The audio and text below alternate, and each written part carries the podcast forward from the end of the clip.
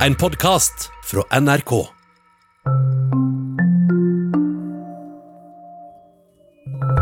Kronprins Mohammed bin Salman er mannen med både makta og pengene i Saudi-Arabia. I fjor ble han beskyldt for å stå bak drapet på en kritisk journalist i Istanbul. I år vil han kjøpe seg en fotballklubb i Newcastle i England. Kan hvem som helst med nok penger skaffe seg et bedre image i sportens glade verden? Og hva skal en ekte fotballtilhenger gjøre når klubben du elsker, skal drives av en mann resten av verden frykter? Du hører på Krig og fred med Tove Bjørgaas. Og Tore Moland.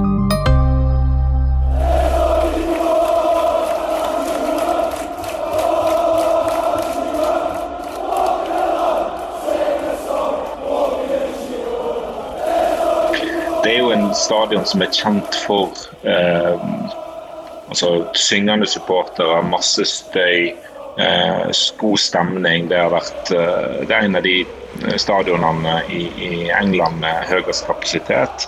Tross at laget ikke har gjort det så, så bra, så kommer folk, og, og det er god stemning.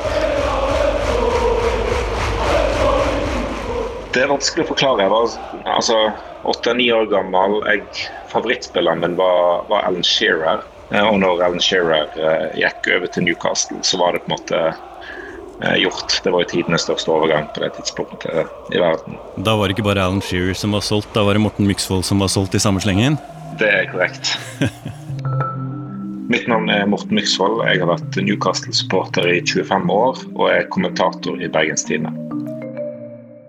Sterkeste Newcastle-bildet er egentlig første gangen jeg skulle på kamp. Det var i 2006. Jeg skulle se Alan Shearer før han la opp.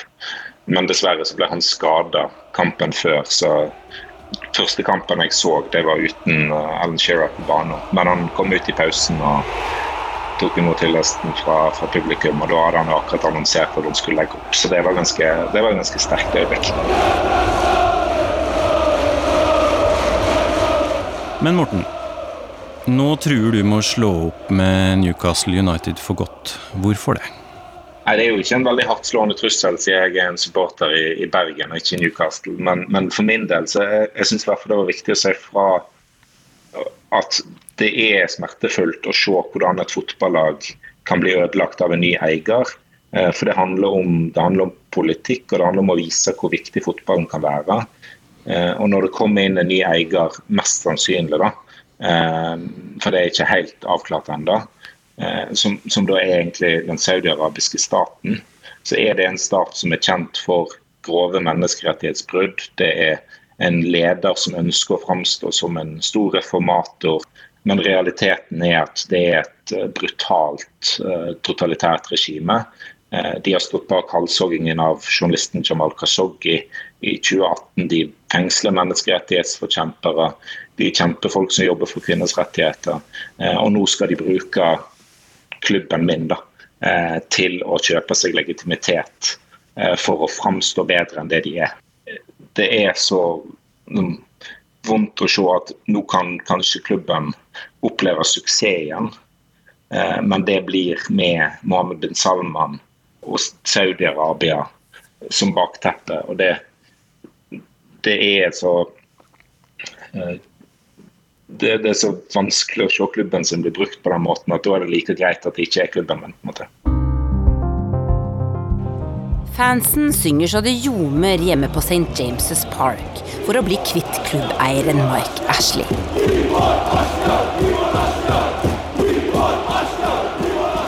Newcastle United Football Club er en gammel storhet i engelsk fotball. Men de siste årene har det blitt flere nedrykk enn pokaler. And the day I hope it happens. It'd be great for the city as well as the club.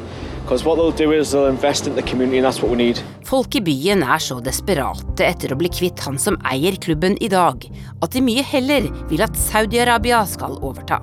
I know the Saudis have a bad reputation, but I don't, I don't think that should bear, have any bearing again on the takeover of Newcastle because we're desperate to get rid of the person who's in charge. Everybody's got their own opinion on human rights, and I feel sorry for the lass and that, but Mate Ashley, I need him out. en undersøkelse blant fansen nylig om man er positiv til det saudi-arabiske oppkjøpet, ga det beskjedne flertall av 96,7 eh, som var eh, gjerne ville ha dette. Eh, jeg tror vi konkluderer med at dette liker supporterne. Jeg heter Jan Petter Saltvedt. Jeg er sportskommentator i NRK.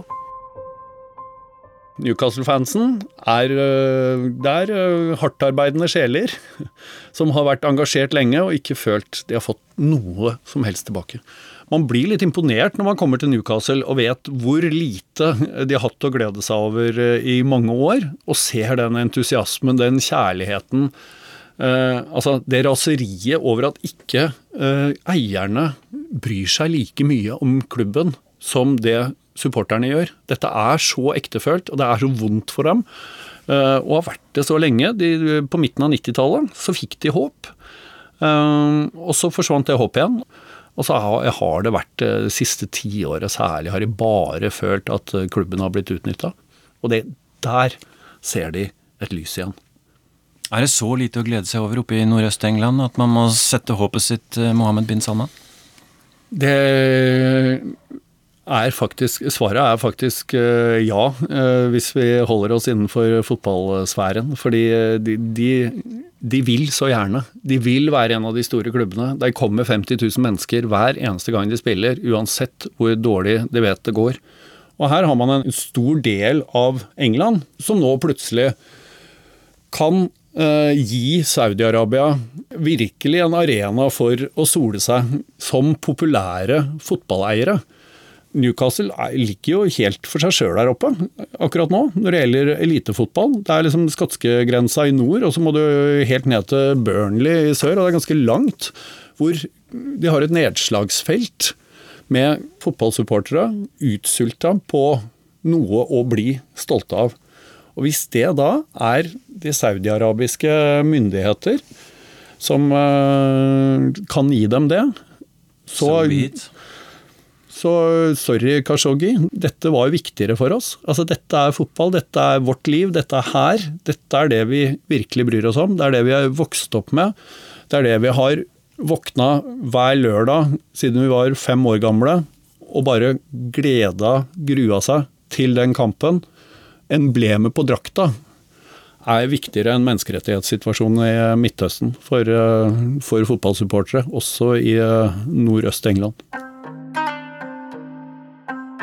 Du husker kanskje de kornete overvåkingsbildene av journalisten Jamal Khashoggi som forsvinner inn i det saudi-arabiske konsulatet i Istanbul. Der inne ble han drept og partert av etterretningsagenter. Granskere fra FN har fastslått at det var staten Saudi-Arabia som sto bak drapet. She is asserting very strongly that by allowing the crown prince and those around him uh, into football and English sport in this way. Uh, it is Enka til journalisten ber det engelske fotballforbundet om å si nei til det saudiske oppkjøpet av Newcastle fotballklubb. Jeg er eh, Jon Peder Egnes, og jeg er generalsekretær i Amnesty International i Norge. Hva er det Amnesty har skrevet til det engelske fotballforbundet? Ja, Amnesty har skrevet til Premier League og bedt dem vurdere veldig nøye om eh, det er en, eh, skal vi si, et omdømmeproblem for dem om de lar Saudi-Arabia kjøpe 80% av Newcastle United Football Club. Hvorfor skal dere bry dere om hvem som eier en engelsk fotballklubb? Nei, altså Vi er opptatt av det vi kaller sportsvasking. Eh, det er en helt uh, åpenbar trend i vår tid at uh, autoritære regimer forsøker å skape et nytt omdømme, eller hvitvaske omdømmet sitt, gjennom å eie idrettsklubber, gjennom å skaffe store sportsarrangementer. Og at det er helt åpenbart at de gjør dette for å ta oppmerksomheten bort fra at de bryter menneskerettighetene på det groveste. Og, og Saudi-Arabia er jo for tiden et av de landene hvor menneskerettighetene brytes eh, på voldsom måte. Eh, og nå eh, er det da så mye som tyder på at deres oljefond, som ikke er som vårt oljefond, som på en måte får rammer av Stortinget og styres av Finansdepartementet, som rett og slett er kongefamiliens nærmest private fond, ønsker å kjøpe Newcastle United. Eh, sannsynligvis fordi de har sett at dette er en, en bra framgangsmåte. Qatar har kjøpt PSG, Forente arabiske emirater har kjøpt Manchester City, og, og opplever nok at det er, er positivt. Men som du nevnte, Qatar eier fotballklubber, Emiratene eier fotballklubber. Hvorfor må grensa gå ved Saudi-Arabia? Nei, altså Det vil den for så vidt. Vi, vi, har vært uh, kritiske til uh, eierskapet i de to andre klubbene som er nevnt her, og, og flere andre. Men, men, der må jeg bare innrømme at vi var kanskje ikke klar over dette fenomenet da de uh, kjøpte disse klubbene. sånn at Det er ikke sånn at grensen går ved Saudi. Det er greit med Emiratene og Qatar, men det må stoppe ved Saudi-Arabia. Det er bare at nå er vi, har vi liksom blitt, blitt obs på det som foregår, og, og, og hever et, et, rødt flagg og, og, ber Premier League tenke nøye gjennom om de rett og slett ødelegger sitt eget omdømme ved å la eh, en så grov menneskerettighetsforbryter som Saudi-Arabia kjøpe en så stor og fantastisk klubb egentlig som den Newcastle er, selv om jeg ikke er supporter av dem akkurat. Men Jon Peder, Kina har hatt OL, Qatar skal ha fotball-VM, Putin har hatt både fotball-VM og OL. Er ikke dette en anledning til da å rette søkelys mot og legge press på å komme i dialog med stater eh, du er kritisk til? Jo, altså eh, Disse store idrettsarrangementene må jeg si er eh, der skal man tenke seg nøye om før man bare er, er, er, veldig enkel i, i, hva man mener om det. Og så skal vi, som da er på hva skal jeg si, menneskerettighetssiden i dette, også innrømme at vi har ikke vært kanskje så bra som vi burde være når stater får f.eks. store arrangementer. 22 Зимние Олимпийские игры в Сочи объявляю открытыми. Vladimir Putin var stolt vert for både vinter-OL og fotball-VM i Russland.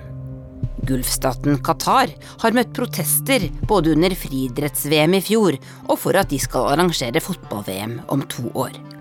Og at omstridte land og ledere prøver å skaffe seg positiv oppmerksomhet gjennom sport, er heller ikke noe nytt. I 1936 arrangerte Adolf Hitler sommer-OL i Berlin. Et utstillingsvindu for Det tredje riket, der Tyskland selv gjorde det best av alle.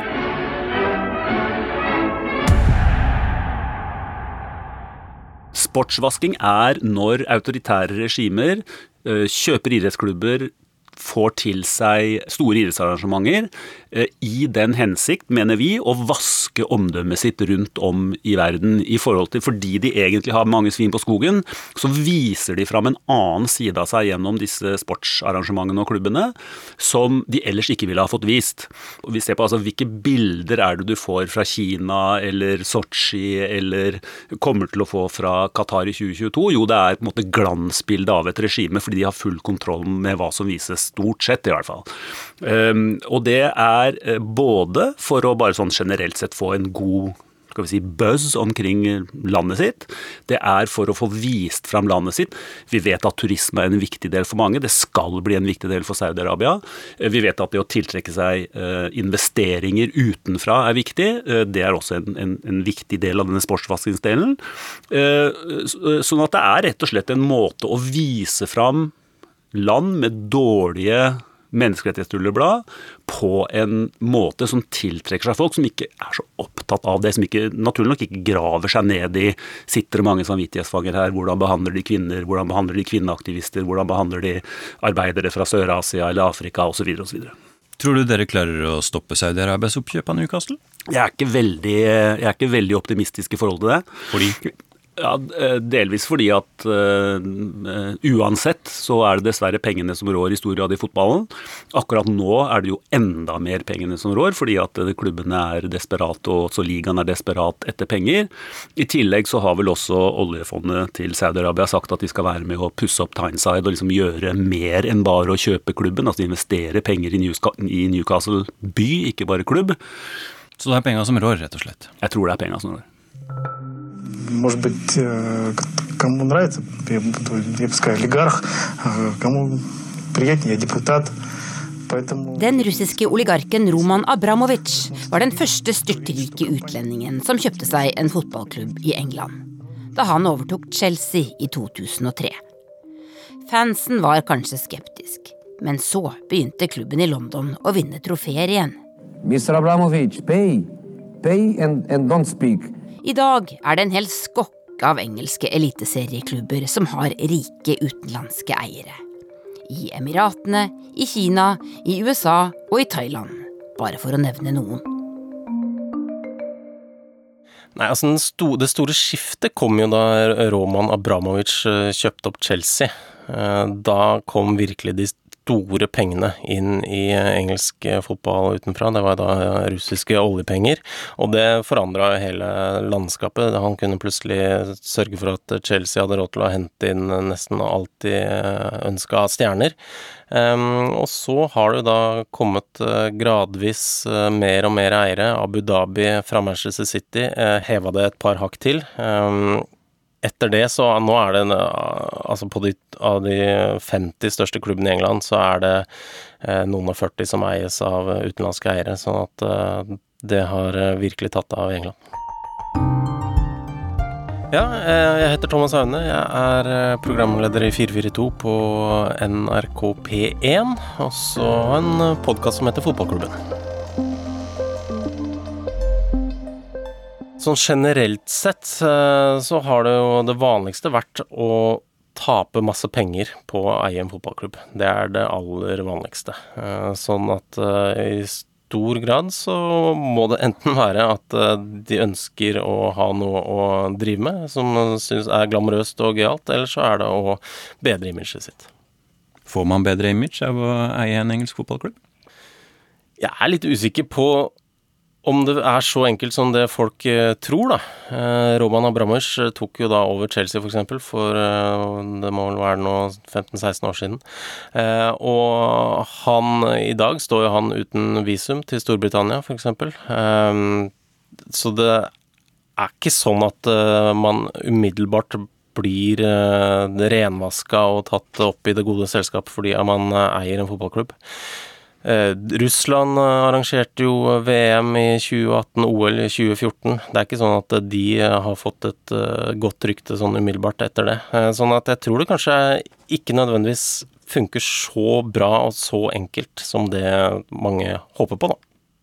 Hvor gode kan Newcastle bli da, med sugerør ned i Saudi-Arabias statskasse? Nei, Det spørs jo hvor mye penger de gidder å bruke, da. Eh, hvis de er sånn som eh, Ja, altså Manchester City eies jo av Abu Dhabi, PSG eies jo av Qatar, eh, og de har jo vært villige til å brenne litt penger på klubbene sine. sånn at hvis de kommer til å, å gjøre det, så kan det jo Newcastle plutselig bli en av Europas aller beste klubber. Eh, men det er ikke sikkert at eh, de gidder. Men samtidig, altså for for Saudi-Arabia så er ikke det her sånn veldig mye penger. Eh, og det å kjøpe Newcastle altså Mohammed bin Salman har jo en eh, yacht som er dyrere enn eh, Newcastle, og på den yachten så har han jo et maleri som også er dyrere enn Newcastle. sånn at eh, hvis han virkelig ønsker å satse og prøve å bruke det her til å gjøre noe med ryktet til, til Saudi-Arabia, så, så kan de jo virkelig bruke masse penger. Og da kan plutselig Newcastle bli en storhet i Europa. Thomas Aune, hvis man er fotballsupporter, mm. er det da bare resultatene som betyr noen ting, egentlig? Nei, det bør jo ikke være det. Um, selv så heier jeg på Tottenham. De har vunnet veldig lite i løpet av den tiden jeg heier på dem. Sånn at uh, det er for å ha noe å drive med, ha et eller annet tilhold i et eller annet. Uh, men så er det jo mange som da blir uh, blenda litt av uh, suksess, muligheten til å vinne titler, kanskje, for Newcastle. Altså, når vant Newcastle noen sist? Uh, hvis du er 45 år gammel og heier på Newcastle, så har du sikkert aldri sett de uh, vinne noe som helst. Sånn at nå har de jo noen mulighet til å faktisk vinne noe, så jeg skjønner at man kanskje kan bli blenda av det. Men man må prøve å liksom tenke at det er jo greit å ha litt moral i bakhodet der. Men det er jo en slippery slope. Altså det er jo utrolig mange forskjellige typer mer eller mindre tvilsomme forretningsfolk som har engasjert seg i fotballverdenen. Og hvor skal man liksom trekke den grensa og si at nei, nå går det for langt. Nå, uh, dette er en eier vi ikke kan og vil ha? Nei, og det, det er vanskelig å sette hvor går den grensa. Um, for mange mener jo det at det kanskje går ved å tortur, tortur og parteringsdrap. Very carefully the type of uh, buyer, investor that you want to see in your company and working with you. Hun snakker nesten aldri offentlig. Dette intervjuet, der hun snakker business og oppkjøpsstrategi, er seks år gammelt. Amanda Stavely heter den mystiske kvinnen i kulissene. Det var hun som trakk i trådene da en sjeik fra Emiratene kjøpte Manchester City. Og nå har hun gått i kompaniskap med Saudi-Arabia. Sjarmerende og slu som en diplomat, med hjerne som en atomfysiker, heter det i boka The Epic Swindle, om da hun ikke greide å overta Liverpool i 2016. Nå må jeg bare huske hvilken prins hun data. Skal vi se. Ja, det var prins Andrew. Selvsagt. Amanda Stavely er da hun som eh, dealer med den greia for eh, Saudi-Arabia, den avtalen. Da hun var 22 så starta hun en restaurant sånn i nærheten av Newmarket, en eh, sånn hesteveddeløpsbane. Da var det mange arabere som eide hester, eh, sånn at der ble hun da kjent med mange folk fra Midtøsten. Uh, så det var der det liksom begynte, at hun havna som en sånn megler, kan man nesten si, for å kjøpe og selge fotballklubber til folk i Midtøsten. Så hun ble veldig rik da Abu Dhabi kjøpte opp Manchester City. Det sies at hun tjente 30 millioner pund på det. hun er en tidligere modell. Amanda Stavely er liksom en slags edderkopp i sånne fotballhandler som involverer gulfstater i England? Ja, hun er det. Eh, og det er, eh, det er, litt uvanlig. Det er ganske få kvinner i det hele tatt som er involvert i, i engelsk toppfotball. Så hvis du har lyst til å kjøpe en engelsk fotballklubb, så er det Amanda Stavely som er dama å gå til? Da vil jeg sendt en mail dit, ja.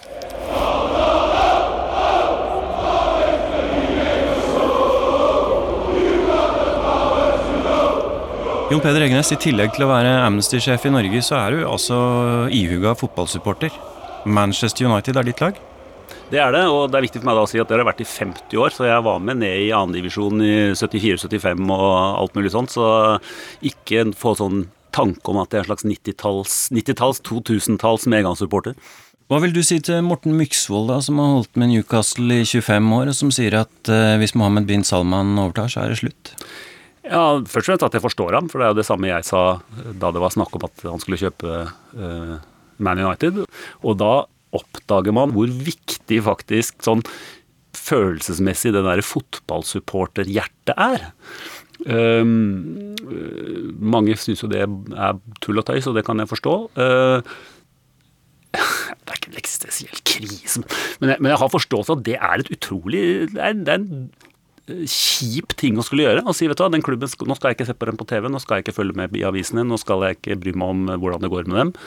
Man bruker mye tid og, og krefter og får ut litt av det derre den delen av seg da, som ikke bare skal være huet, men som skal være liksom, følelser i fullt monn, som kanskje vi nordmenn ikke er så gode å få ut på en del områder. Særlig ikke menn, kanskje. Så er det liksom noe med at det er, det er ganske viktig. Det er det, er, det er det, viktigste uviktige man driver med.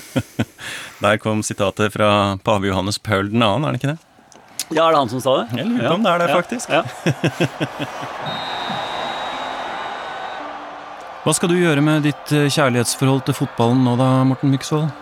Nei, altså, engelsk fotball tror jeg ikke jeg gidder å følge med på, men det fins jo, jo, norske fotballag. Jeg følger jo med på Brann, og det er ikke sånn at engelsk fotball er det første i rekka for min del. og det verste jeg kunne gjort, var jo å bare funne meg en ny klubb i England. og Det, det har jeg absolutt ikke tenkt meg å gjøre.